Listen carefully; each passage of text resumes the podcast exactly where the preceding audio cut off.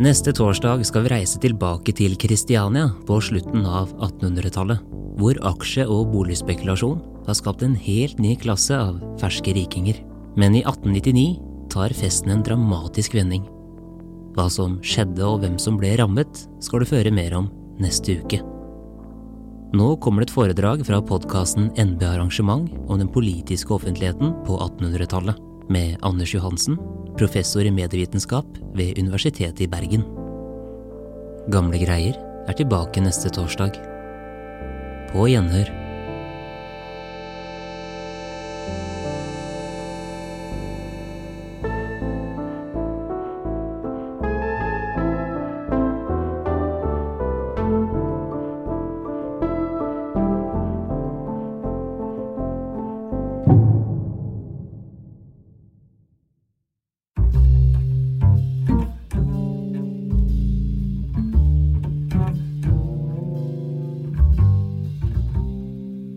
Til en podkast fra Nasjonalbiblioteket.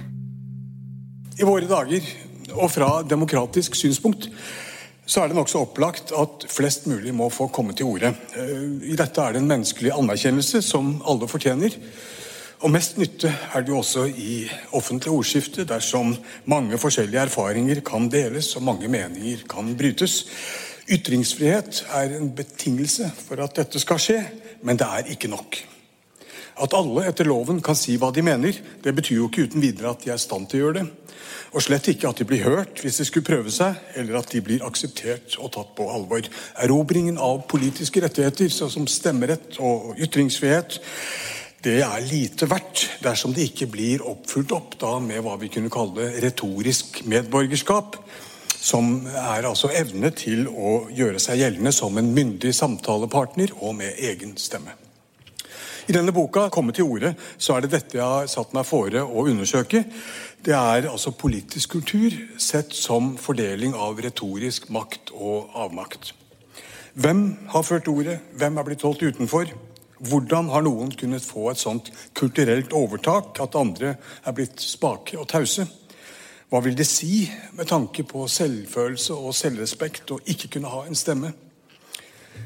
Og Framfor alt så har det dreid seg om hvordan beboerne av de stummes leir, for å låne et uttrykk fra Camilla Collett, altså eh, hvordan bøndene, arbeiderne, kvinnene, hvordan de har rettet seg opp, og hvordan de etter hvert har krevd å få komme til orde. Hvor høy var terskelen for de som følte seg ubetydelige og små? Hva skulle til for å sette seg i respekt? Hvordan få selvtillit og mot på å stå fram? Embetseliten som først kom til orde, eh, den dominerte det politiske livet nokså suverent. Og den gjorde det altså med en retorisk overlegenhet som fikk andre til å føle seg små. De dannedes arroganse virket da i kombinasjon med mindreverdighetsfølelsen hos allmuen. Det virket lenge til at det frie ord i praksis var et privilegium for de få. Og sånn måtte det være, het det den gangen. Eh, hvis friheten skulle åpne for sannhet og rett. For det avgjørende det var jo ikke hva de fleste mente, men hva de beste mente. Dvs. Si de mest forstandige og selvstendige, i praksis da de mest velstående og best utdannede. Om allmuen forholdt seg passiv og taus, så var det til egen fordel, for den kunne jo ikke vite sitt eget beste. Og lenge lot den seg også innbile dette. Den stolte på sine foresatte, den tvilte på seg selv, omtrent som mindreårige overfor sine foreldre. Og den turte sjelden eller aldri å heve stemmen for å si noe på egne vegne.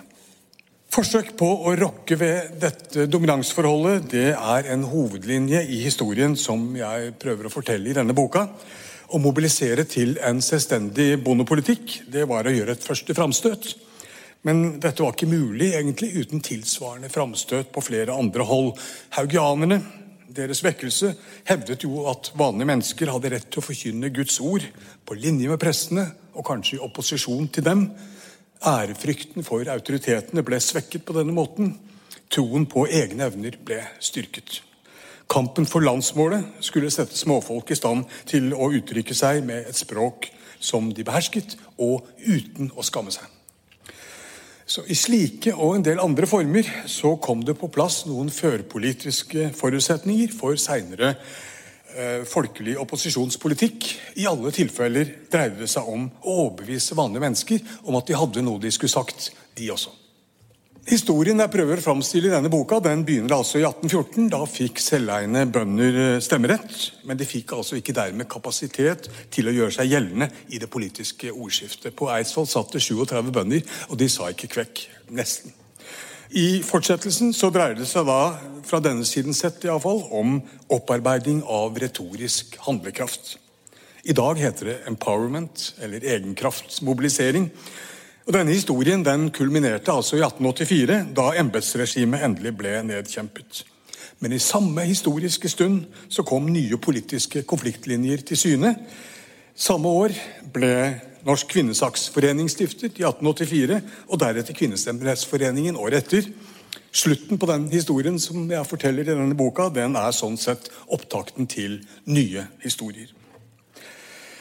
Kvinner som da til dette tidspunkt ideelt sett hadde hørt privatlivet til, de begynte mot slutten av det 19. århundre å reise krav om deltakelse i politikk og annen offentlig virksomhet.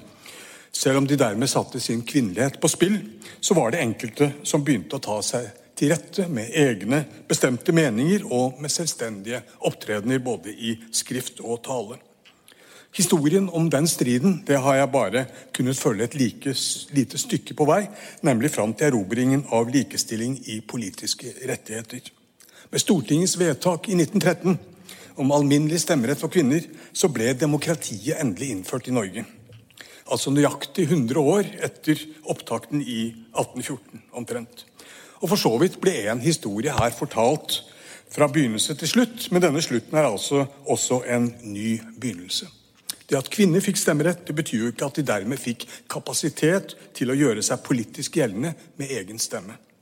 Faktisk skulle det drøye til nærmere neste hundreårsskifte og langt utenfor rammen av min bok uh, før kvinnebevegelsen kunne makte å utfylle det statsborgerlige rettigheten, stemmeretten, med et virksomt retorisk medborgerskap.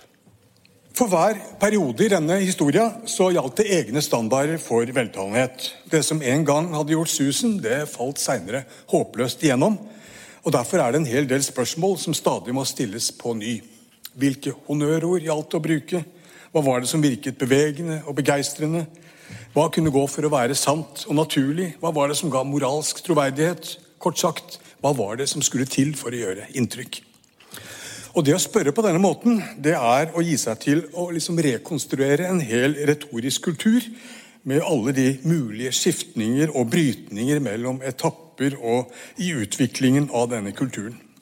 Så jeg har prøvd å få tak på først da, noen trekk ved kommunikasjonsformene først i patriotenes tid som kan, vi kan si dreier seg om slutten av eneveldet og tiden fram til 1840 omtrent, og deretter i hva vi kunne kalle professorpolitikernes tid, gjennom embetsmannsstatens glansperiode rundt midten av århundret, og så endelig i folketalernes tid, eller i de store følelsers tid, under mobiliseringen fram mot det store oppgjøret med byråkrati og kongemakt i 1880-årene.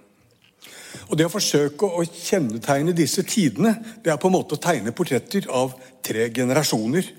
Og hver av dem har sin egen stilfølelse og sin egen livsholdning. Først slekten fra 1814, med den sans for høyspent heroisme etter klassiske forbilder. O frihet, o fedreland. ikke sant?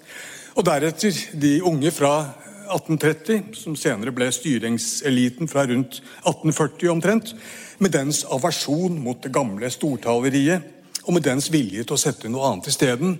På den ene siden romantisk inderlighet, på den andre siden byråkratisk, akademisk saklighet og omstendelighet.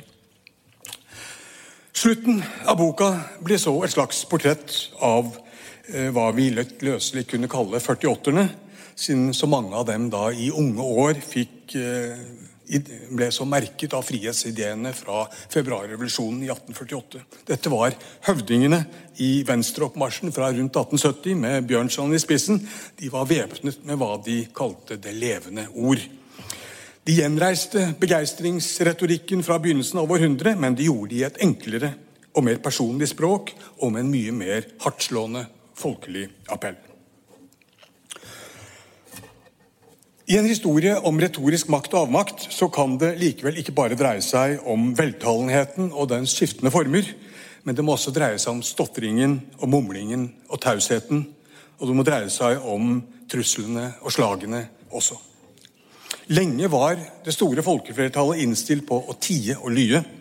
Og først mot slutten av århundret kunne det være at vanlige mennesker fra beskjedne kår begynte å gjøre seg gjeldende i det politiske ordskiftet. Men noen ganger så hadde det vært for mye å tåle også før. Noen ganger var uretten så opprørende at det ikke gikk an å finne seg i det lenger. Da kom det til opptøyer. Men denne trusselen nedenfra den endra karakter i løpet av det 19. århundre. Et mer eller mindre voldelig ordensproblem ble etter hvert omdannet til et mer eller mindre velformulert politisk utfordring. Etter hvert som den folkelige opposisjonen kom til orde, så tapte de opprørske handlingene i betydning, og til gjengjeld ble altså ordene farligere og mer radikale. Dette foredraget det fortsetter nå i tre deler. Først skal jeg snakke om handlingsspråk og voldelig konfrontasjon. Så skal jeg snakke om omtrent det motsatte, nemlig saklig, enighetsorientert dialog.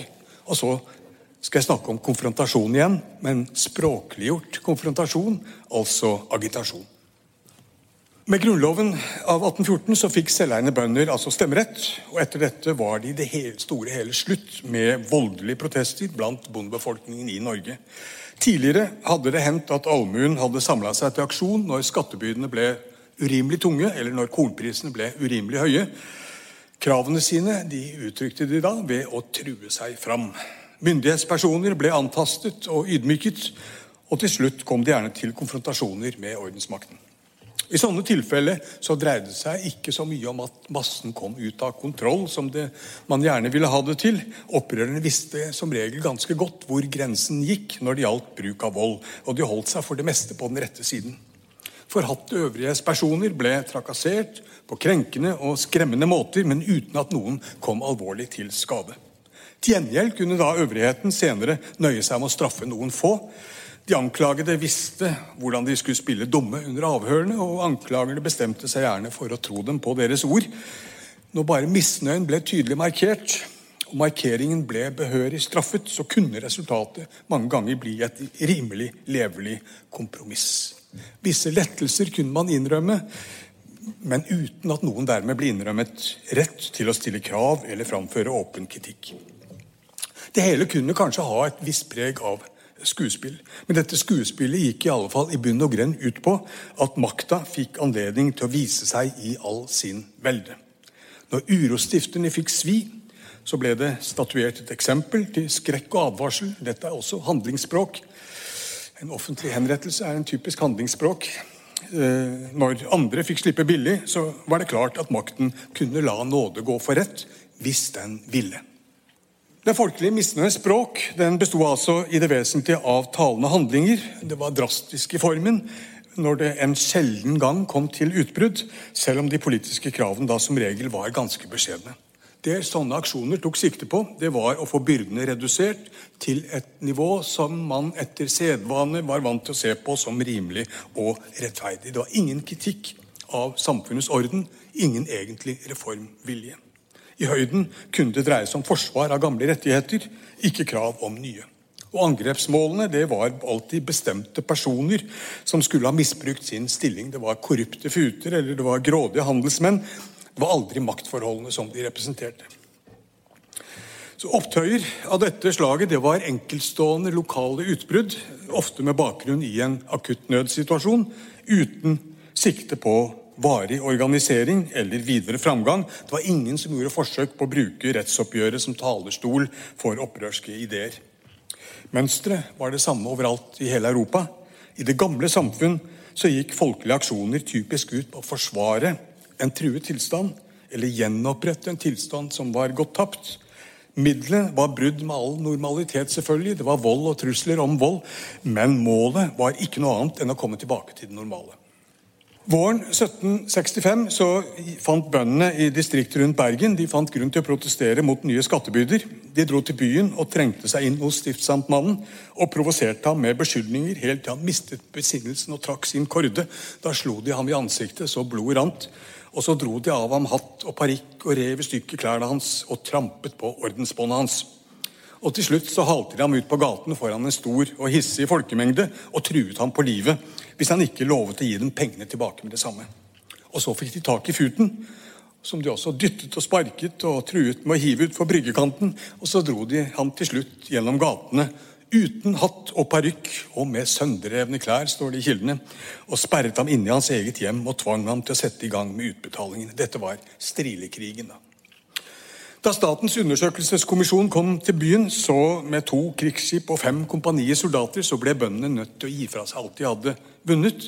Tre mann ble pekt ut som anførere og fikk da dom tvangsarbeid på livstid. For øvrig var kommisjonen mild og overbærende overfor en allmue som ikke kunne sies å være voksen nok til å ta ansvar for egne handlinger. Men myndighetene hadde da forstått at den nye ekstraskatten var for tung å bære, Eh, det ble gitt unntak for særlig vanskelig stilte. Snart ble hele ordningen avviklet. Selv om øvrigheten da fikk demonstrert hvem det var som satt med makten og retten, så hadde aksjonen på sett og vis gjort sin nytte likevel. Et stykke på vei, iallfall. Voldshandlingen var den eneste virksomme ytringsform. Den var dramatisk om den ikke var direkte skadelig. Men innholdsmessig så fikk altså kritikken Den gikk aldri ut over anklager mot lokale embetsmenn som kunne mistenkes for, i egen vinnings hensikt, å ha forfusket den gode kongens forordninger. Grunnlovens politiske frihet da, den gjorde det mulig å erstatte handling med ord. Etter hvert som disse mulighetene ble tatt i bruk da, ved at eh, bygdeeliten lærte å gjøre seg gjeldende i offentlig ordskifte og i valgte beslutningsorganer, i kommunestyrer osv., så, videre, så kunne folkelig misnøye kommet til uttrykk på fredelig vis. I Bergen var det tumultuariske opptrinn som det ble kalt, sommeren 1814 siste gang bøndene i distriktet gikk til voldelig aksjon. I landssammenheng var det vel helst bondetogene mot hovedstaden i 1818 som ble stoppet av troppene på, på Krokskogen. Så var den tilsvarende siste gang.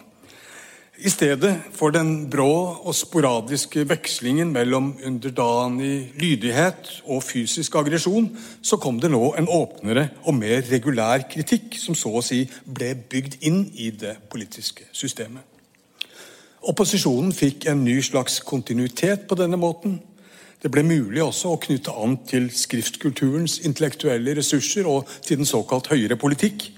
Og slik oppsto også betingelser for en avgjørende utvidelse av det politiske forestillingsrommet, med mye videre utsyn og mye mer grunnleggende prinsipielle overveielser.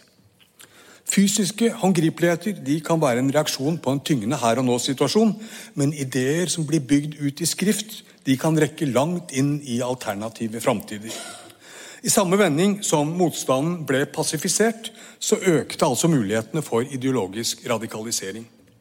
Etter at bondeopposisjonen slo igjennom ved stortingsvalgene høsten 1832, så kunne den ikke lenger oppfattes som et ordensproblem, men til gjengjeld ble den fra nå av en mye farligere politisk utfordring i form av en stadig tydeligere reformativ kraft. Samme slags vending, da. Fra handlingsspråk til verbalspråk, fra reaksjon til reform. Det skulle arbeidermotstanden komme til å gjennomgå 50 år seinere. Før den moderne arbeiderbevegelsen ble til, med organiserte faglige og politiske kampmidler, så var opptøyer med slåsskamper og hærverk nær sagt eneste mulige måte å gjøre seg tydelig forstått på. I Bergens historie, og nå får dere tillate meg at jeg er litt sånn bergensvridd der, det er den byen jeg kommer fra, det er der jeg hører til. I Bergens historie så er potetkrigen i 1868 det første utbrudd av misnøye som byens egen allmuebefolkning sto bak. Før hadde håndverkere og tjenestefolk stort sett vært tilskuere til bøndenes aksjoner, men nå var de selv i føringa. Og så fikk de forsterkninger fra skipsverftene og de mekaniske verkstedene i forstedene. I Bergen var vel dette kanskje siste gang eh, at trusselen nedenfra tok form av klassiske matopptøyer, og siste gang militære styrker ble satt inn mot sivilbefolkningen. Verken før eller siden har det gått så hardt for seg som da. Det begynte med en krangel på torget. Eh, handelsloven var blitt liberalisert. Det var blitt mulig å kjøpe opp eh, bøndenes produkter og selge dem videre med fortjeneste. Dermed ble poteter og andre livsnødvendige varer fordyret. Og folk med dårlig råd ville ha disse oppkjøperne bort, sånn at de kunne handle direkte med bøndene igjen. Hele sommeren hadde det vært knuffing og krangling på torget. Og så toppet det seg en lørdag ettermiddag midt i august, da en mann ble arrestert for å ha fjernet en tønne poteter. Og da strømmet det til med folk som krevde ham løslatt. En politimann som forsøkte å rydde opp, ble lagt i bakken. Og så var det sånn at det ene tok det andre. Politiet tilkalte militære forsterkninger. Flere ble arrestert, og så brøt det løs med gatekamper i Bergen. Tusener hadde samlet seg på torget for å kreve arrestantene løslatt. Politimesteren forsøkte å tale dem til rette, men han ble møtt med steinkasting og skjellsord. Demonstrantene prøvde å bryte seg gjennom rekkene med soldater og prøvde å ta fra dem geværene, men de ble drevet tilbake med kolbeslag. I første omgang, da kampene tok seg opp, så ble det gitt tillatelse til å skyte med skarpt. Da det så ut til at aksjonistene skulle klare å bryte seg gjennom sperringene, så styrtet soldatene fram med bajonetter påsatt. Og Det var dette som da avgjorde saken. Mange ble såret, resten trakk seg tilbake. Utpå kvelden kom det til trefninger da en hel liten hær hadde væpnet seg med stokk og staur fra markene rundt byen, men de måtte da gi tapt etter noen harde tak mot sabler og bajonetter. Og så var det over. I ukene som kom, ble byen kontrollert av store militære styrker. Etter omfattende forhør så ble mange dømt, de fleste til kortere fengselsstraffer, noen også til straffarbeid i inntil seks år. Retten fant da grunn til å understreke at det dreide seg om en ordensforstyrrelse som riktignok var svært alvorlig, men som tross alt ikke var direkte samfunnsnedbrytende av politisk tendens. Demonstrantene hadde visstnok under påvirkning av sterke drikker vært grepet av en kollektiv stemningsbølge. De kunne ikke være riktig klar over hva de gjorde, og hva de innebar. Opptøyene synes derfor ikke på noe punkt at havet antaget noen særdeles farlig karakter, hvor betenkelige og beklagelige de enn for øvrig må erkjennes at havet været, sa retten den gang. Farligere ble det først i 1885, da den danske snekkersvennen Sofus Pil kom til byen og stiftet Bergens Demokratiske Arbeiderforening. Det ble holdt regelmessige møter, det ble utgitt en ukeavis. I løpet av første måned ble det vervet mer enn 200 medlemmer. Det hele gikk fredelig for seg, med tålmodig organisasjonsbygging og skoleringsarbeid. Men målet var altså ytterliggående radikalt. Den nye foreningen var erklært sosialistisk. I tilknytning til foreningen ble det i 1885-86 dannet 14 fagforeninger med til sammen over 1500 medlemmer. Og i mai 1886 ble den første organiserte streiken i byen satt i gang. Klassemobiliseringen var ennå svak og uutviklet, men den hadde altså slått inn på en helt ny vei. Mot slutten av det 19. århundre så kom det til uroligheter i arbeidermiljøene. De kom til å dreie seg mindre om priser og skatter enn før, og mer om lønninger. På de nye, store industripregete arbeidsplassene så var gammeldags lojalitet til en mektig foresatt. Den var nå i ferd med å vike for solidaritet mellom likemenn som hadde oppdaget at de var i samme båt. Tydeligere før så kom altså forholdet mellom arbeid og kapital i dagen som et upersonlig interessekonflikt. Arbeidere begynte å innse at de var nødt til å opptre samlet hvis de skulle komme noen vei. Men hvordan skulle de kunne sette makt bak kravene? Streik var jo et effektivt våpen, men uten store oppsparte fond så var det ikke mulig å holde ut så lenge at kapitalen kom virkelig under press. Vellykket bruk av streikevåpenet forutsatte en sterk fagbevegelse. Uten et sånt apparat så hadde lønnskampen bare de gamle, primitive maktmidlene å sette inn, før den moderne arbeiderbevegelsen ble til, så var arbeidsstans ofte en anledning til hærverk og trusler om fysiske overgrep. Den tidlige industrialderen sine maskinknusere de var altså, Hvis vi skal lite på den engelske sosialhistorikeren Erik Hopsbom, så var disse maskinknuserne slett ikke motstandere av ny teknologi, men de var forhandlere uten fagforeningsmakt.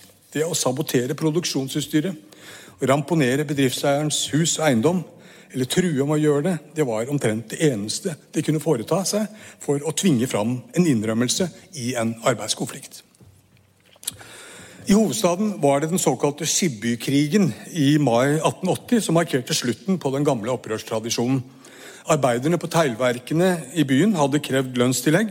Flere av eierne hadde sagt seg villige til å gi etter hvis bare alle ble med, men direktør Skibby hadde satt seg imot enhver innrømmelse, og i møte med arbeiderne hadde han også vist seg brysk og avvisende. Det var han som sto i veien for arbeidernes krav, og reaksjonen rettet seg mot ham personlig. Så lenge paternalismen hang igjen i arbeidslivet, var alle forbindelser mellom eier og ansatte egentlig av, av, først og fremst moralsk og personlig art. Det gjaldt både underordning og motstand. Det gjaldt respekt og fiendskap. Så da streiken brøt ut, så lovet arbeiderne at Skibby skulle få bank. Inne på bedriftsområdet ble han omringet av en truende mengde. Han søkte tilflukt oppe på loftet over teglovnen og forsvarte seg da den, i den smale trappen opp dit med øks i hånd. De ropte at han var en hedning og en gris, og de skremte ham med stokker som de stakk opp gjennom plankene i gulvet, og med steiner som ble kastet mot veggene fra alle kanter. Og Først da lensmannen kom til, slapp han fri. Men hjemme var det jo heller ikke trygt. Der gikk demonstrantene grundig til verks. Marmorbordene i hagen ble smadret, verandaen ble brukket i stykker. Snart fantes ikke et helt vindu i hele huset. Familien søkte tilflukt i andre etasje. Sønnen i huset voktet trappen med ladd gevær. I første etasje ble speil og lampe knust, osv. osv. Denne aksjonen varte ikke lenge, og den førte ikke fram. Uten ressursene til en moderne fagorganisasjon så var en streik som denne dømt til å mislykkes hvis det ikke hadde vært mulig å presse fram en øyeblikkelig avgjørelse. Så det dreide seg ikke om blindt hat sånn, eller vill ødeleggelsestrang, som en forskrekket borgerlighet gjerne ville ha det til. I en slik situasjon så var hærverk og trusler om vold omtrent eneste virksomme og egentlig rasjonelle kampmiddel. Den moderne arbeiderbevegelsen den var, hvor militant den enn kan ha vært i bruken av ord, så var den et middel til dannelse og disiplinering. Den tok fatt i et stort aggresjonspotensial, og den foredlet det til et håp og en plan. Den samlet de mange forvirrete utbrudd og pekte ut en retning og en mening. Hatet mot enkeltpersoner ble omdannet til kritikk av systemer og institusjoner. Møter og demonstrasjoner kom i stedet for trusler om hærverk.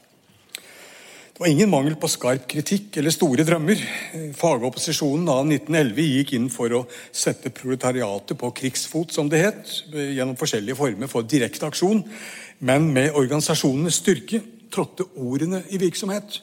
Som forhandlingsutspill, som agitatorisk appell. Det var ikke lenger nødvendig å gå til håndgripeligheter. Hvorfor var det da så vanskelig å komme til orde? En viktig grunn er selve idealet om saklighet og fornuft som rådde grunnen gjennom det meste av århundret. Og det er den modellen for politisk dialog som var innrettet for å ivareta dette idealet. Hvis landet skulle styres med tanke på det felles beste, så gjaldt det å finne fram til de beste menn, som det het. Og så skulle man overlate til dem å diskutere seg fram til de mest fornuftige løsningene. Hva representantene så måtte mene om det ene eller andre, det angikk ikke velgerne. Det eneste som betydde noe, var at de hadde personlige egenskaper som satte dem i stand til å delta i saklig meningsutveksling på konstruktivt vis. Den ideelle politiker var en som satte seg grundig inn i sakene før han gjorde seg opp en egen mening, og som tok sin beslutning da uten å skjele til noen kant, og som så sto fast på denne beslutningen selv om det stormet rundt ham. Han var som en dommer. Åpen, fordomsfri, udogmatisk, men også uredd og ubestikkelig. Han var mottakelig for gode motargumenter. Han lot seg ikke presse. Som dommer var han upartisk, han var innstilt på å lytte til alle parter. Og framfor alt var han myndig, altså karakterfast og uavhengig. Dette idealet da, for den offentlige mann det tilhørte en politisk kultur som satte sin lit til fornuften. Det var for at politiske prosesser skulle føre til mest mulig fornuftige beslutninger, at deltakerne måtte være innstilt på å fristille seg fra alle slags bindinger og avhengigheter. Hvis alle var innstilt på å lytte til hverandre, det gikk man ut fra da. Hvis ingen låste seg i utgangspunktet, men sto fritt til å bedømme argumentene på selvstendig og rent fornuftig grunnlag, og hvis ingen var ute etter å mele sin egen kake, men bare etter å finne den beste løsning og den som var best for alle, ja, da ville man jo til sist kunne komme fram til enighet ved at de beste argumentene seiret. Man rådslo, man veide for og mot, og så lot man den mest forstandige få rett. Så lenge dette idealet var levende og forpliktende, så var det klart at den politiske prosessen bare kunne engasjere noen ganske få. Borgerne var jo ikke uten videre kvalifisert til å delta eh, i dette. Adgang til offentlig ordskifte det var i praksis reservert for embetseliten og en del velstående eiendomsmenn. Materielt sett var det bare disse som sto så trygt på egne bein at de kunne tillate seg å tenke selv og tale fritt. Andre var avhengige av sine foresatte. Arbeideren var avhengig av bruksherren, husmannen var avhengig av bonden, tjeneren var avhengig av herskapet, kona var avhengig av sin ektemann. Sånn at de kunne ikke forventes å gjøre seg opp en egen mening. De kunne tvinges, trues, kjøpes. I alle fall kunne man ikke regne med at de skulle risikere særlig mye ved å si imot og stå på sitt. De manglet slik selvstendighet som beror på eierskap til gård og grunn og kontroll over egen inntektssituasjon. Derfor kunne man ikke ta dem på alvor når de sa noe. Derfor kunne de ikke regnes som politisk myndige. Sånn sto det for riksforsamlingen i 1814. Allmenn stemmerett kom jo ikke på tale. Stemmeretten ble reservert for embetsmenn, selveiende bønder, handels- og håndverksborgere samt eiere av bygårder over en viss verdi, mens alle andre, husmenn, lønnsarbeidere, sjømenn, skolelærere, funksjonærer, tjenestefolk, og alle andre som økonomisk sett ikke var sine egne herrer, ble holdt utenfor. Og På en måte var det solid realisme i dette synspunktet. Økonomisk uh, uavhengighet gjorde det praktisk mulig å tenke fritt og gå sine egne veier. Men saken kan jo også ses fra en annen side. Istedenfor å utelukke det avhengige flertallet, så kunne man jo satse på å kvalifisere til politisk deltakelse ved å kompensere for eller ved å motvirke disse økonomiske avhengighetsforholdene. Når det 20. århundres sosialdemokrati tok sikte på å bygge opp vanlige arbeidsfolk til myndige politiske aktører, så var det jo ikke minst på denne måten ved å sikre trygge levekår og vern mot vilkårlig behandling fra eiere og overordnede. Hva eiendomsretten var for borgerskapet, det kom etter hvert organisasjons- og forhandlingsretten til å bli for arbeiderklassen, og dessuten oppsigelsesvernet og ledighetstrygden osv. Det var organisasjonenes styrke som garanterte at ingen skulle bli nødt til å stå med lua i handa, som det het.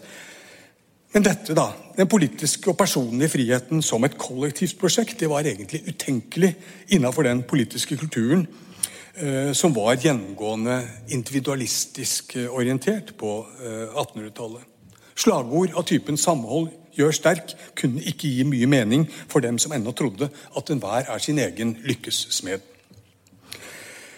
Hvis arbeidsfolk i vår egen tid kan sies å ha fått andel i den politiske friheten, og ikke bare formelt, men også reelt, på den måten at de ikke trenger å være redd for å mere noe annet enn sjefen, Vel, så er det jo fordi at de vet at de ifølge avtaleverket ikke kan bli oppsagt uten videre, og fordi de vet at de har statlige trygde- og pensjonsrettigheter å falle tilbake på.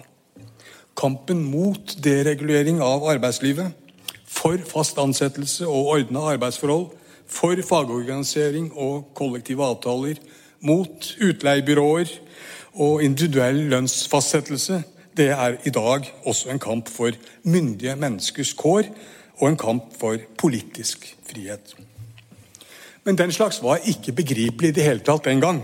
I liberalismens glansperiode i det 19. århundre så lå det langt utenfor rekkevidde for den politiske fantasien i stort sett alle leire. Sosiologisk realisme i oppfatningen av det frie ords eh, betingelser det kunne den gangen nesten bare tenkes å peke mot en eller annen form for autoritær begrensning. Altså Det store flertallet av eiendomsløse, av avhengige, av umyndige, måtte da nettopp av hensyn til den universelle fornuft og det felles beste, de måtte holdes utenfor. Da den første arbeiderbevegelsen ble dratt i gang rundt 1850 med Traneria, så ble dette gjort klart for enhver. Vanlige arbeidsfolk var ikke legitime deltakere i det offentlige ordskiftet. Ikke bare var deres krav om stemmerett helt uberettiget, de var heller ikke egentlig meningsberettiget. Husmenn og lønnsarbeidere ble regnet som en del av det private husholdet til gårds- eller bruksherren, og de hadde fremdeles i realiteten ingen større rett til å legge seg opp i offentlig ordskifte enn eierens kone og hans mindreårige barn. Når de prøvde å komme til orde, så var det derfor nødvendig å slå til med hard hånd. Hele ledersjiktet ble pågrepet og dømt til lange fengselsstraffer. Retten kunne da ikke anklage dem for å ha foretatt seg noe bestemt ulovlig. De klarte ikke å finne fram til noen bestemt paragraf som de skulle ha forbrutt seg mot. Ifølge rettsprotokollene, som ble kjent mange år seinere, så ble de dømt for det hele forhold, som det het. Eller de ble dømt for sin virksomhet i det hele. De første arbeiderforeningene de var forsøk på å få den beskjedne allmuen opp å stå som politisk subjekt. Men mer enn noe annet så dreide det seg om å lære seg til å handle med ord. Det ble utgitt avis, det ble arrangert diskusjonsmøter og underskriftskampanjer. Det ble holdt kurs i skrive- og taleteknikk. Det ble stiftet sangkor og teatergrupper. Og det var dette man ikke kunne ha noe av. Voldelig pøbel kunne nok politiet håndtere, eventuelt med hjelp fra militære myndigheter. Men skolerte og taleføre arbeidere det var en trussel mot selve samfunnets bestående orden. Dette er de menn som ingen stemme har, sa forsvareren under forhandlingen i Høyesterett. De har skrevet, de har talt, presis som vi andre, og det er dette man nå vil dømme dem for. Meningsmonopolet til de velstående det grunnet seg på en politisk moral som framfor alt bekymret seg om individets integritet. Til Stortinget sendte man altså ikke representanter for programmer eller ideologier, men man sendte aktverdige og forstandige enkeltpersoner. For at de skulle kunne gå inn i debatten med åpent sinn, så var det en avgjørende betingelse at de ikke hadde konkludert på forhånd gjennom avtaler med partifeller eller løfter til velgerfolket. En virkelig myndig mann kunne umulig finne seg i å stille med bundet mandat. For å kunne bidra til meningsbrytning med sikte på enighet, så måtte man jo være fri til å endre oppfatning. Skulle det være håp om å få gjennomslag for de bedre argumenter, så måtte man jo være parat til å bøye seg for sin motstander og gi ham rett. Så Dette idealet gjorde det nærmest umulig å organisere en politisk opposisjon. Den som tilhører et parti, er jo ikke fri til å fatte selvstendige beslutninger. Partiorganisering var aldeles uhørt i denne politiske kulturen. Selve ideen var skandaløs. Hver gang noe sånt kom på tale, så ble det spetakkel, og initiativtrakkerne trakk seg forskrekket tilbake. Morgenbladet slo fast at det ikke sømmet seg for landets kårne menn å la seg drive som en saueflokk frem i tingsalen. Det å bøye seg for partiets flertall og se seg nødt til å stemme mot sin egen overbevisning, det var en skam. Men hovedproblemet var i grunnen at man dermed kom i Stortinget med ferdig oppgjorte meninger. De som lar seg binde til et forut oppstilt program, skrev Morgenbladet, de har jo i realiteten gått sammen om å komme Stortinget i forkjøpet. Et slikt program går nødvendigvis ut på at avslutte og tillukke hva der ennå bør holdes åpent, altså på at gjøre drøftelsen umulig eller avmektig. Kan man si at det politiske livet noen gang levde opp til dette idealet om eh, rådslagning blant landets beste menn? Kanskje et stykke på vei, iallfall, fram til partistiftelsene i 1880-årene. Historikeren Francis Sejersted har vist til en relativt åpen meningsdannelse som bidro til å redusere politikkens preg av maktkamp, som han sa det. Det var diskusjon mellom enkeltpersoner mer enn tautrekking mellom interessegrupper. Denne diskusjonen utmerker seg ofte ved sitt åpne og fritt resonnerende preg, ifølge Sejersted. Hvis debatten kunne være preget av dialog mer enn kamp, så var det jo ikke minst fordi det politiske miljøet var så lite og så enhetlig. Deltakerne kom fra mer eller mindre samme klasser og sjikt. Det var ikke noen grunnleggende motsetninger mellom de fleste av dem. Eh, derfor kunne også debatten arte seg som rådslagning mange ganger. Talene i Stortinget kunne bety noe der og da, de kunne overbevise motstandere. De kunne flytte stemmer. Helt forskjellig fra dagens stortingsdebatter, selvfølgelig, som jo aldri får noen til å skifte oppfatning. Og Sånn kunne det være så lenge forsamlingen bare representerte noen få, og så lenge disse få bare representerte seg selv, ikke partiet. Men dette betyr jo ikke at debattene var så fornuftige at de gjorde noe. Uh, tilliten til de beste menn det hadde noen konsekvenser som måtte virke til, uh, til dels direkte mot sin hensikt. Jo mer hver enkelt aktør kunne sies å være selvstendig og fri, desto mer måtte jo politikken synes å dreie seg om ham personlig. Så lenge han verken var representant for et parti eller så lenge han ikke var forplikta til noe program, så var han fri til å bruke sitt eget hode og følge sin egen samvittighet. Og da var det hans egen intelligens selvfølgelig, og hans egen moral det kom an på.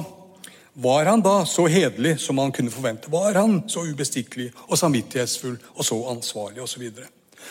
Når de fremste politiske ressursene var sånne personlige egenskaper, så måtte politisk kritikk nødvendigvis bli til personkritikk i stort omfang. Kravet om personlig myndighet, som altså skulle være en betingelse for fornuft, den kom til å fungere som opphav til massiv usaklighet eller ufornuft. Debattklimaet ble forgiftet av personlige beskyldninger og bakvaskelser i en sånn grad at det stiller kommentarfeltene i dagens nettaviser fullstendig i skyggen. For så var det ikke til å unngå at en taler med bred folkelig appell ville bli beskyldt for å være en samvittighetsløs demagog som rett og slett benyttes av massens uvitenhet bare for å karre til seg makt og penger for egen del. Til det fast innarbeida fiendebildet så hørte det en sånn demonisering av den folkelige politiker. Og her gjelder dette alt fra Trane til Bjørnson og Sverdrup. At han nettopp var grunnleggende uhederlig. Korrupt, maktsyk, tyrannisk osv. Dette går igjen hele veien. Og Bedre ble det jo ikke av at mange deltakere i, debatten valgte å holde sin identitet skjult. Dermed var det i grunnen fritt fram for en hvilken som helst sjoflhet. Retten til anonymitet ble regna som en viktig demokratisk rettighet. Visstnok var den beskyttet av Grunnloven. Riktignok står det ingenting der om akkurat dette, men de lovkyndige de fant at bestemmelsen om trykkefrihet ikke kunne tolkes på noen annen måte. For at borgerne skulle våge å stå fram med kritikk, så måtte de føle seg trygge på at de ikke risikerte å bli utsatt for straff og andre ubehageligheter. Og tryggest var det selvfølgelig å ikke gi seg til kjenne. Ehm, på den måten så vil jo også innleggene bli vurdert etter styrken i argumentasjonen, og ikke altså helt uten hensyn til hvem som hadde skrevet dem. En strengt fornuftig samtale forutsetter jo at deltakerne opptrer på like fot som meningsberettigede borgere og ingenting annet dvs. Si som prinsipielt fremmede for hverandre. Og i praksis kunne dette være vanskelig å få til om de opptrådte under eget navn. I 1800-tallets politiske kultur så var det sånn sett da, et element av uansvarlighet som ganske effektivt bidro til å undergrave alle de sentrale offisielle verdiene av typen saklighet og sannhet og fornuft. Anonymitetsretten virket direkte mot sin hensikt. Som middel til saklighet kom den til å åpne for personangrep av verste sort. Som middel til myndiggjøring så ble den en unnskyldning for ikke å ta ansvar for egne ytringer. Idealet om dialog blant landets beste menn det var lenge en avgjørende hindring for at folkeflertallet skulle få komme til orde. Og på den måten gjorde det jo nytten. Men påskuddet om at det dermed var så mye å vinne i form av sannhet og fornuft, det kan vi i dag i tilbakeblikk i alle fall ta med en stor klype salt. I løpet av 1900 så ble én modell for politisk kommunikasjon skiftet ut med en annen. Rådslagning mellom pragmatiske enkeltpersoner ble erstatta med konfrontasjon mellom partier med prinsipielt forskjellige programmer. Men dommerfunksjonen det ble ikke annullert med dette. For nå var det sånn at en tredje part, som lenge hadde stått utenfor selve debattsituasjonen, rykket inn som en overordnet og avgjørende instans. I den nye modellen så var folket vitne til striden. Med folkemøtene som nå utviklet seg, og med avisen som massemedium, så åpnet seg også en ny arena der det politiske livet kom til syne for mange flere enn denne lille, eksklusive kretsen i Stortinget i Kristiania. Et publikum av helt ordinære mennesker var her til stede for å høre på begge parter, og så gi den ene rett framfor den andre gjennom stemmegivning ved valgene. Velgeroppslutning berodde da ikke lenger som før på liksom vurdering av kandidatene som moralske personer, men nå berodde det på overbevisning om at saken de sto for, var god og rettferdig. Velgerfolket hadde før holdt seg for god til å prøve å binde kandidatene ved å be om innsyn i de politiske vurderingene deres. Men nå måtte kandidatene prøve å vinne velgere ved å agitere for sin sak. Og det var i grunnen en helt ny ting. Mens det før var et ideal at debatten mellom folkets representanter fant sted med hver av deltakerne som en upartisk dommer, så var altså tanken nå at debatten mellom partirepresentanter fikk utspille seg overfor sivilsamfunnet i full åpenhet og med velgerfolket som dommer. Mer eller mindre uforsonlige interessekonflikter kunne utfolde seg i dette nye trekantforholdet, men allikevel var det jo også i denne modellen noen momenter av fornuftig rådslagning. Grundige forberedelser i partiorganisasjonene ga noen betingelser for veloverveid ytring som ellers kunne mangle dersom representantene hver for seg måtte orientere seg helt på egen hånd i, i uoversiktlige debattsituasjoner og kanskje ta stilling til nye innspill mer eller mindre på sparket. Det store publikum lot seg bevege av både saklige og usaklige hensyn, selvfølgelig, men de kunne jo også samrå seg på eget hold i omgang med lokale opinionsledere i foreningene, på arbeidsplassene, i nabolagene, før de omsider gjorde seg opp en mening. Ordskiftet tok ikke åpent preg av rådslagning, det er så, men hele prosessen med offentlig meningsdannelse inneholdt allikevel så mange innslag av kritisk prøving og reflektert avveining at det faktisk ivaretok noen grunnleggende slike rådslagningsfunksjoner mange ganger. Når alt kom til alt, så var det kanskje ikke mindre fornuft i åpne partikamper enn i forvaltningen av enighet innenfor den lille krets av de beste menn. Men for den som fremdeles tenkte politisk kommunikasjon gjennom den gamle modellen, så var alt dette alt annet enn opplagt. Fra dette synspunktet så ville enhver tendens til svekking av den gjensidige forpliktende dialogen til fordel for kampscener framfor et publikum, et massepublikum, det måtte oppfattes som et skremmende forfall. Skiftet av politisk modell det var en treg, konfliktfylt prosess. Den dro ut i mer enn 30 år. I disse årene sto det strid om nær sagt hvert eneste element i modellen. Ikke bare taleren og hans uavhengighet, eller partigruppen og dens ferdiglagde meninger, men det sto også strid om henvendelsens form, som enten konfronterende eller enighetsorientert, om appellen til enten lidenskapen eller til fornuften, og samt debattstillingen da, overfor andre eller overfor et publikum. Og endelig sto det også strid om mottakerne. Var de uavhengige likemenn, eller var de en uansvarlig mengde eller masse eller en pøbel? Disse stridighetene de toppet seg med den store forfatningskampen tidlig på 1880-tallet, da venstrebevegelsen tok et avgjørende oppgjør med kongemakten og det byråkratiske formynderiet. Denne kampen var voldsom, den var bitter og uforsonlig. Forholdet mellom partene var preget av mistillit og fiendskap. Det ble en farlig krise etter hvert, men den gled over. Våpnene ble klargjort, men de ble ikke brukt. Kongen og hans rådgivere planla statskupp. Venstrebevegelsen opprettet skytterlag, som i realiteten var en slags parlamentsmilits. Situasjonen var spent, stemningen var nervøs, men begge parter besinnet seg i siste liten, og ingen gjorde noe overilt. Hva var det da som bar gjennom denne krisen? Den politiske og kulturelle striden den virket gjennom årene til å forandre offentligheten der den fant sted. Et organisasjonsliv ble bygd opp for mange slags folkelige bevegelser, med bondevennforeninger, arbeidersamfunn, mållag og misjonsforeninger og frilynte ungdomslag og avholds- og opplysningsforbund. Og dette organisasjonslivet var også en skole i demokrati. Her gjaldt i det store og hele samme prinsipper som i statslivet seinere. Medlemmene styrte seg selv, de vedtok selv lovene for sin forening, selv valgte de formann og styre. Alle medlemmer hadde stemmerett. Alle hadde samme rett til å be om ordet. Demokratisk sett var foreningslivet forbildelig. Gjennom deltakelse her fikk tusenvis av vanlige mennesker andel i moderne demokratisk kultur.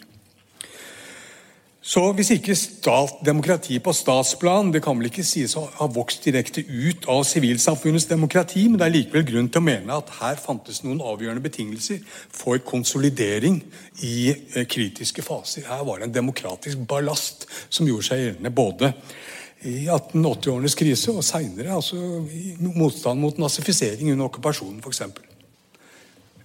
De frivillige organisasjonene var med på å innarbeide demokratiske holdninger og, og alminneliggjøre en demokratisk forsamlings- og beslutningsteknikk. Så på den ene siden så var det kampmidler.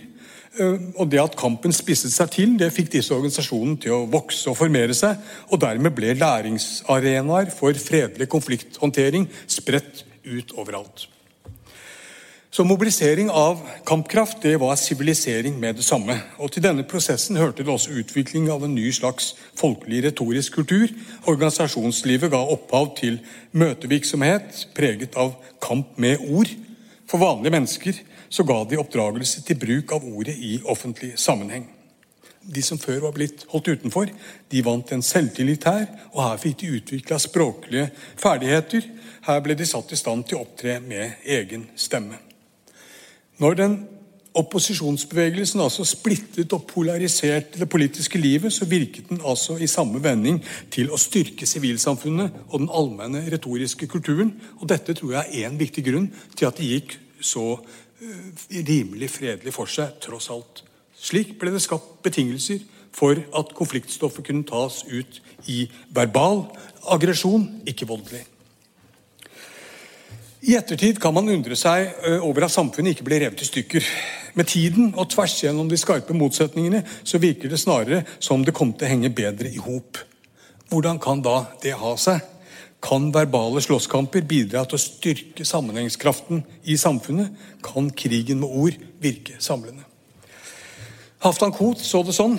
Han tolket norgeshistorien som et samvirke mellom splittende og samlende krefter.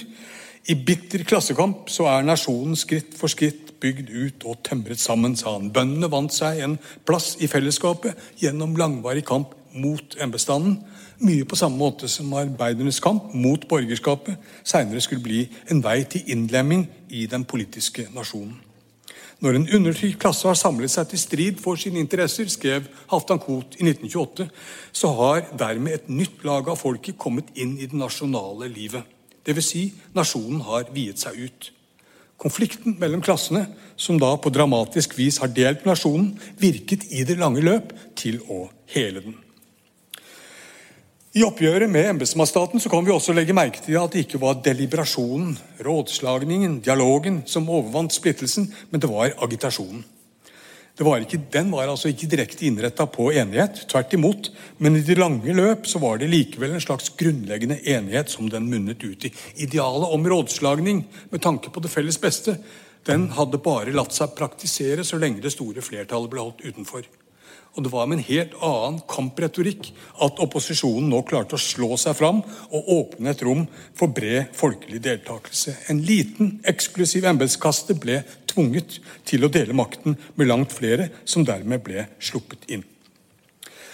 Forutsetningen om at noen få og spesielt kvalifiserte burde få styre på vegne av alle andre, hadde tidligere skapt en farlig avstand mellom døve og stumme egentlig samfunnsoppløsende var vel denne, dette formynderiet til eliten vel så mye som demagogenes såkalte oppvigling av massene. De har blått utenfor, var å bli stående som en fremmed overfor de politiske institusjonene og bli behandlet som en umyndig ga grunn til å kjenne seg krenket. Det kunne håpet seg opp med forbitrelse til det endte med forferdelse. Men opposisjonen visste altså å sette følelser i kok ved hjelp av en skarpere og mer konfronterende tale, og for å vinne styrke da ikke bare i form av bedre argumenter, men også eh, i form av større oppslutning. Å slå seg inn. Åpen retorisk aggresjon var ikke en fare for samfunnets fred, men var kanskje eneste rimelig fredelig middel til anerkjennelse og inklusjon. Med 1880-årenes konfrontasjoner så ble grensene om den politiske offentlighetens lille, trange rom sprengt ut. Politikken inntok nye arenaer, nådde ut til nye grupper, utvikla nye former. Folkemøtene var den nye inkluderende arenaen der uforsonlige parter nå kom sammen for å bekjempe hverandre. Det gjaldt ikke lenger å resonnere med en motpart som man kunne komme til enighet med, men det gjaldt å vinne tilslutning for å smadre motstanderen. Og Da måtte man kunne rive med seg store folkemengder. Det krevde et nytt og mer hardtslående språk. Enkelt, emosjonelt med korte, muntlige setninger, gjerne konsentrert om et slående bilde og med gjentakelse av noen få minneverdige formuleringer.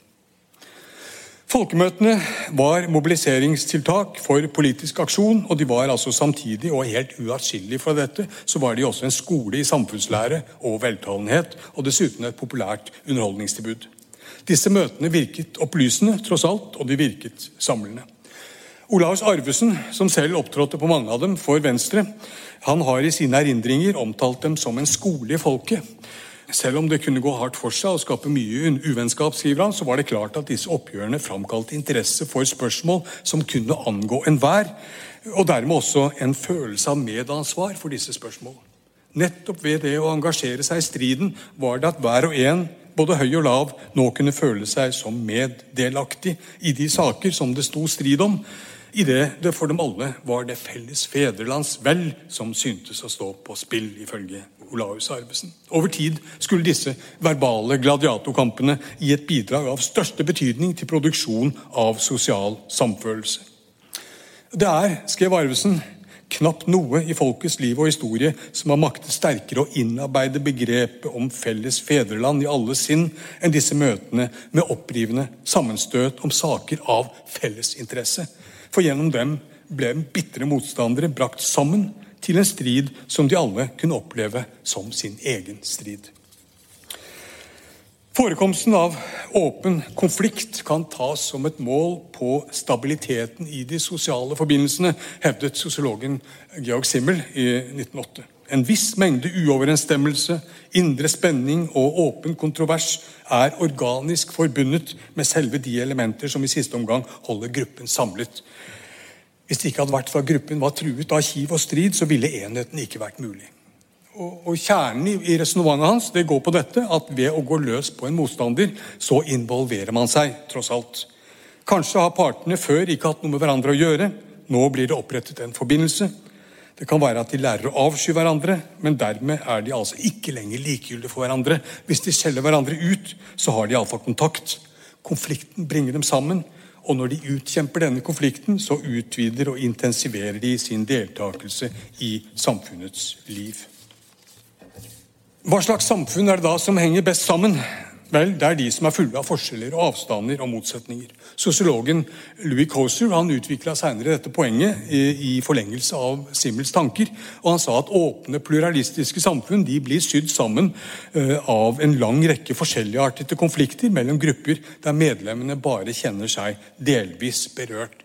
Flere konflikter, desto bedre. For ikke bare virker de integrerende uh, hver for seg, men de virker også til å balansere hverandre hvis de bare blir tilstrekkelig mange og forskjellige. Og Sånn omtrent var det også statsministeren eh, Stein Rokkan da, forsto den grunnleggende stabiliteten i norsk politisk liv, selv gjennom de mest opprivende kampsituasjoner. De kulturelle motsetningene mellom by og land, som går på språk, religion, moral, de hadde lagt seg på tvers av de økonomiske klassemotsetningene mellom arbeid og kapital. Og denne veven av motsetninger hadde gitt opphav til skiftende allianser og opposisjonsmønstre. Systemet ble ikke revet i stykker mellom to ytterpunkter, skrev Rokkan, men det bevarte likevekten ved at et stort antall konflikter krysset hverandre. De konservatives dialogmodell det var altså en harmonimodell. Den forutsatte at enhver grunnleggende motsetning mellom dem og oss kunne fjernes fra det politiske livet. Dette er bare mulig ved at de andre, altså mengden, allmuen, pøbelen, ble holdt utenfor, om nødvendig med voldelige midler, som i tilfellet med Trane. Venstres konfrontasjonsmodell den innebar at de andre trengte seg på, sånn at motsetningene måtte spille seg ut i retoriske former. De fant seg ikke i å tie stille lenger. De gikk ikke an å overhøre dem. Forholdet mellom dem og oss var ikke lenger en grense mellom innside og utside i det politiske fellesskapet, men det var en konfliktlinje som gikk tvers gjennom det indre. I en krisesituasjon så kan en sånn indre konflikt kanskje tilspisses til en antagonistisk kamp mellom venn og fiende, for å bruke ordbruken til den belgiske statsministeren Chantal Mouffe. Øh, men i det lange løp så er det utsikter til at den går seg til ikke som en antagonistisk, men som en agonistisk øh, motsetning. Dvs. Si, altså som en motsetning mellom parter som oppfatter hverandre som vennlige fiender. Vennlige fordi de er beboere av samme politiske rom, men fiender fordi de er rykende uenige om hvordan dette rommet skal innrettes.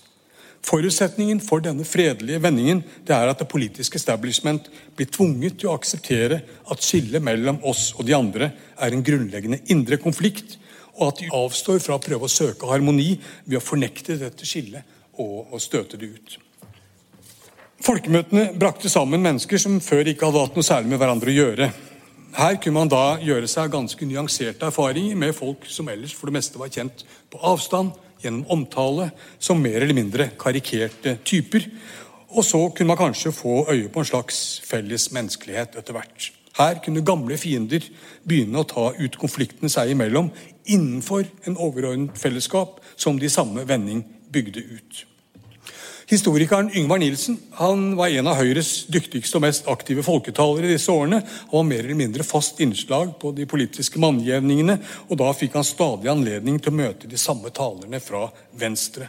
Sammen dro de fra sted til sted, sammen opptrådte de i debattene som representanter fra forskjellige partier, selvfølgelig, men etter hvert også med felles identitet som kamphaner og folketalere. Gjennom skiftende miljøer og landskaper så kunne denne faste kjerne av turnerende duellanter med tiden også kommet til å kjenne seg som en slags enhet. I dagboksnotatene til Yngvar Nilsen så er det mange små glimt av denne slags paradoksale prosesser. En gang skulle han av sted med dampskip til en liten by ved kysten for å strides med Erik Vullum fra Venstre. Nilsen var professor ved universitetet, han var kongens venn og fortrolige. Vullum var en forsoffen journalist og skribent og posør og en kjent dranker. Her var to menn fra hver sin planet. De var sammen på reise, og de var ført sammen av selve denne dype uoverensstemmelsen som hadde satt dem opp mot hverandre. Som reisefølge skulle de så lære hverandre å kjenne på nye måter. På denne reisen kom vi ut for et dårlig vær, skriver Nilsen. Jeg ble forferdelig sjøsyk, men Vullum tok seg av meg. Eh, det var første gang jeg merket at det mellom oss folketalere kunne bestå en virkelig korpsånd. Uten partihensyn, og jeg har aldri glemt den vennlighet som det her ble meg vist av en motstander. Denne dagen ute på sjøen begynte der hos meg at spire frem noe nytt, som efterhånden vokste til vennskap, og jeg tror for sikkert at dette er gjengjeldt. Da dette skjedde, så var den store politiske krisen nylig overstått. Kort tid før hadde Nilsen krevd bruk av harde midler for å slå fienden ned. Den tid må komme da selvforsvaret tar sin begynnelse, hadde han skrevet til prins Oskar. Morderen står over oss med draget sverd. I sitt svarbrev så antyder prinsen da at kongen var innstilt på å opptre med fasthet, og Nilsen var tilfreds med det. Handles der, så må det være kort, bestemt og overraskende, skrev han tilbake. Ingen måtte tro at dette kom til å gå fredelig for seg. Garnisonen i hovedstaden er kanskje ikke fullt pålitelig. Kavaleriet skal være best, men mon ikke sjøguttene er de aller påliteligste, liksom hele flåten. Eh, til dem setter jeg mitt håp, skrev Nilsen. Og Sånn var stemningen altså rett før det gamle regimet falt sammen. Blant de farlige folk var Vullum en av de aller farligste. Nilsens minne fra dampskipet underveis til folkemøtet det er et nærsynt lite glimt fra den lange og motsetningsfulle prosessen der selve fienden ble omdannet til en ordinær politisk motstander. I den grad folkemøtene kan sies å ha gitt opphav til en moderne demokratisk motstanderoppfatning, så er det altså på denne måten at folketalere fra høyre og venstre kjempet om overtak på de samme arenaer over de samme spørsmål. Ofte hendte det at de reiste sammen, de ble innkvartert sammen, de spiste sammen. Om kveldene og mellom slagene så var det festmiddag, og da måtte alle holde underholdende skåltaler. ikke sant? Eh, og Under selve møtene så kunne det ofte hende at de vekslet et megetsigende blikk når en eller annen lokal begavelse hadde ordet, som en slags markering av fellesskap på tvers av uenighet, men innenfor den nasjonale politiske eliten. Det kunne være opprivende, men det utspilte seg tross alt i en situasjon der man kom hverandre inn på livet. Den politiske konfrontasjonen var også et menneskelig møte, og av dette møtet oppsto det nye tillitsforhold, ofte også gjensidig respekt. Uenigheten kunne være like dyp som før og like uforsonlig, men fra nå av utspilte den seg mellom parter som nølende begynte å anerkjenne hverandre som legitime politiske motstandere. Den andre var nå ikke lenger en dialogpartner som han kunne rådføre seg med i all gemyttlighet, men han var heller ikke en fiende som skulle utryddes og jages bort, om nødvendig med voldelige midler, som i en krig. Men han var en medborger med aldeles feilaktige oppfatninger som måtte bekjempes med alle tilgjengelige retoriske midler. Det jeg har forsøkt å få fram i dette foredraget, det er altså dette, hvis jeg skal summere det opp i fem punkter. For det første at utviklingen av retorisk medborgerskap det betyr sivilisering av den politiske striden. Først og mest grunnleggende på den måten at den voldelige handlingen blir omdannet til virksomme ord. For det andre at den slags språkliggjøring innebar en radikal utvidelse av det politiske mulighetsrommet. For det tredje at idealet om dialog med sikte på enighet om det felles beste har vært et avgjørende argument for å reservere det offentlige ordskiftet for en liten, eksklusiv krets, sånn at utbredelsen av slikt retorisk medborgerskap er blitt hindret og hemmet. For det fjerde at troen på den ubundne og selvstendige enkeltpersonen som den egentlig meningsberettigede, det har medført en giftig sammenblanding mellom sak og person, og dermed en forveksling av uenighet og fiendskap, som, som kanskje først partivesenet da i seinere år har kunnet rydde opp i. Og så for det femte, nemlig at politisk inklusjon ikke beror på likhet og enighet, først og fremst, men det beror på engasjement i en felles konfliktsituasjon. Takk for oppmerksomheten.